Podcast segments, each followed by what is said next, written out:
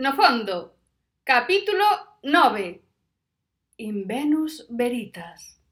Segunda parte. Mentras as rapazas facían festa entre elas, Salva díxome cun aceno que sentase, que escoitase con atención e, sobre todo, en silencio. É dicir, emporoume para que tropezase e caese no sofá. Dou golpes na orella co dedo índice e despois puxo ese mesmo dedo diante da boca. Puxenlle empeño e encollínme de ombreiros para dicirlle que non oía nada, visto que non podíamos falar. El asasinoume ca mirada e volviu dar golpes co dedo índice na orella e despois no respaldo do sofá. Daquela fixen coma el, no de poñer a orella no respaldo do sofá, por moito noso que me dera, non no dos golpes, que xa lle notaba algo vermello aquel lado da cara. Por fin escoitei algo que non fose o alegre regulir das nosas compañeiras de reservado. Eran dous homes alterados, alterados e enfadados non do outro, que dadas as circunstancias, convén aclarar este punto. En realidade eran o concellal de urbanismo e máis Andrés.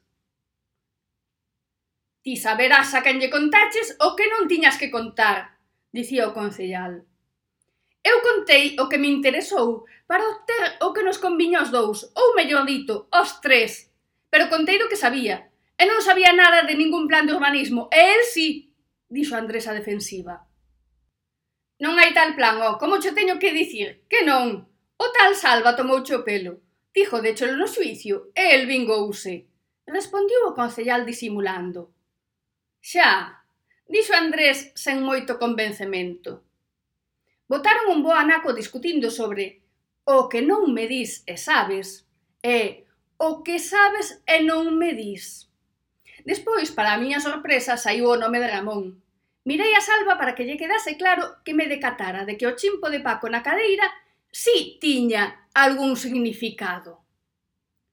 Unhas cantas botellas de viño máis tarde, que lle aclarei a Salva que as pagaba el porque eu non me ia empeñar. Polo meu xenro non te preocupes. Está máis concentrado en que non o quite do testamento que en saber a que ando. Xa lle direi calquera cousa, e polo que lle convén, Ai no crer. Polos outros ti verás. Non eran os que che interesaban para o traballo? Preguntou o concellal. Sí, sí, dixo Andrés simulando conformismo. Nese momento o concellal erguiuse e cun ata máis ver marchou. Andrés non se moviu, ou fixérao en silencio e non o escoitáramos. De súpeto, que pasa? Andrés falando con alguén. Temos que falar daquelo que vos contei hai algo que non me cadra. Non, non, xa vos dicía que me extrañaba que o quixesen xusto agora. Por que agora non antes? Que? Bueno, pois se non cho dixen digo cho agora, que aínda estamos a tempo. Berrou Andrés, parecía enfadado. Estou aquí no Venus, vinde, convidou Andrés. Como que onde está? Consoloume saber que Ramón non soubese do antro, porque me dou na alma que falaba con el A ver, hostia, eu da fonte, soltou Andrés. Río Andrés. Ese, ese, xa me parecía raro que che esquecese. É que non hai un que se salve. Porcos, todos, todos, todos. Salva mirou as botellas baldeiras enriba da mesa e díxome que tiñamos que marchar. Respondinlle que nasti de plástico, que pagase e senón que non entrase, que era un agarrado. Non me puxo moi boa cara, pero tampouco insistiu demasiado. As trillizas seguían o seu, mentras agardábamos, Salva chegouse a elas, e eu non quixen mirar non fose que me gustase e a los esvaecesen os meus ríxidos, sólidos e delimitados esquemas sexuais.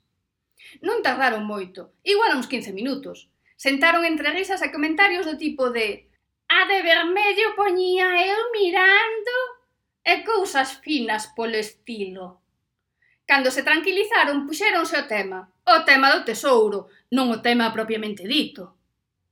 Ramón díxolle a Andrés que era lóxico que o concellal lle ocultase os verdadeiros motivos. Todos o facían. Pero de calquera xeito a eles ia lles dar o mesmo. Fose polo que fose, nós íamos facer o traballo e eles ían sacar tallada. Tamén lle dixo que daba igual que Salva e máis eu soubésemos máis ou menos, que íamos facer o traballo igual e eles ían sacar tallada. E tamén lle dixo, sí, tamén, que daba igual que o xenro abogado neno ben investigase o que quixese, porque nós íamos facer o traballo e eles ían sacar tallada. Podes saber por que estás tan seguro de que xa non o vai facer? Preguntou Andrés nervioso. Porque a coñezo. Non pode loitar contra os seus instintos, E se sabe que ademais de sacar pasta, vai joderos do Concello, hai no facer máis que encantada. Pero non os vai joder, valles axudar, razou Paco. Como que axudalos? Preguntou Ramón. Paco explicoulles que, se o concellal quería recuperar o tesouro e eu o recuperaba, o que facía era axudarlle, non estorbarlle. Fíxose un silencio.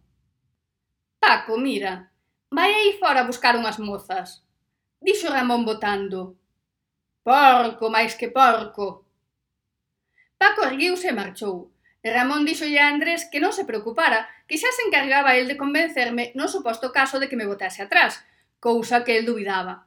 Pero non o dixo como vos estou contando, Dixo con esa voz que poñen os homes cando o teñen todo controlado, sabedes? Cando unha se derrete cunha palabra súa e non ve máis que polos seus ollos. Salva miraba o chan. O trío Calavera recibiu con risas e brindis as rapazas de compañía, e como parecía que o tema do tesouro quedara zanxado, dixenlle a Salva que despedise as nosas acompañantes e que fose pagando. Eu quedara de pé no vestíbulo, onde o supermacho man me viñera a facer cóxegas na orella, a ver se volvía a ter sorte, porque naquel momento facíame moita falta. Pero non a tiven. O único que tiven foi un baixón pensando no que fixera mal para que aquel amor do pasado non só me quixera utilizar para que lle fixese un traballo de dubidosa legalidade, senón que me quixera roubar, e por iba, fose un noxento sin pinga de sentimentos.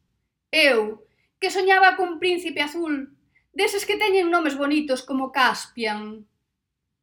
Nos escasos metros que separaban a porta do Venus do coche de Salva, botei mil e un xuramentos. Salva non dicía nada, aínda que estou segura de que prefería que baixase o volume, porque lle ía dando as mans para baixo. Pois que lle dean polo cu, dixen por último. Queren que saque o tesouro, queren. Pois vou no sacar, e tanto que vou sacar, e ti vasme a axudar. Pero estes han quedar con dous palmos de narices, que pensan que lles vou dar todo o que haxa. Do cuarto nin a metade. Que non saben quen son eu. E conforme imaginaba a miña vinganza, ia berrando máis e cando estábamos dentro do coche doume por mirar o coche do lado e vin a Paco mirándome. Quedei branca e Salva díxome un xa che avisei, pero ti nin caso, con voz de sabichón. Chegadas a ese punto, non me quedou máis opción.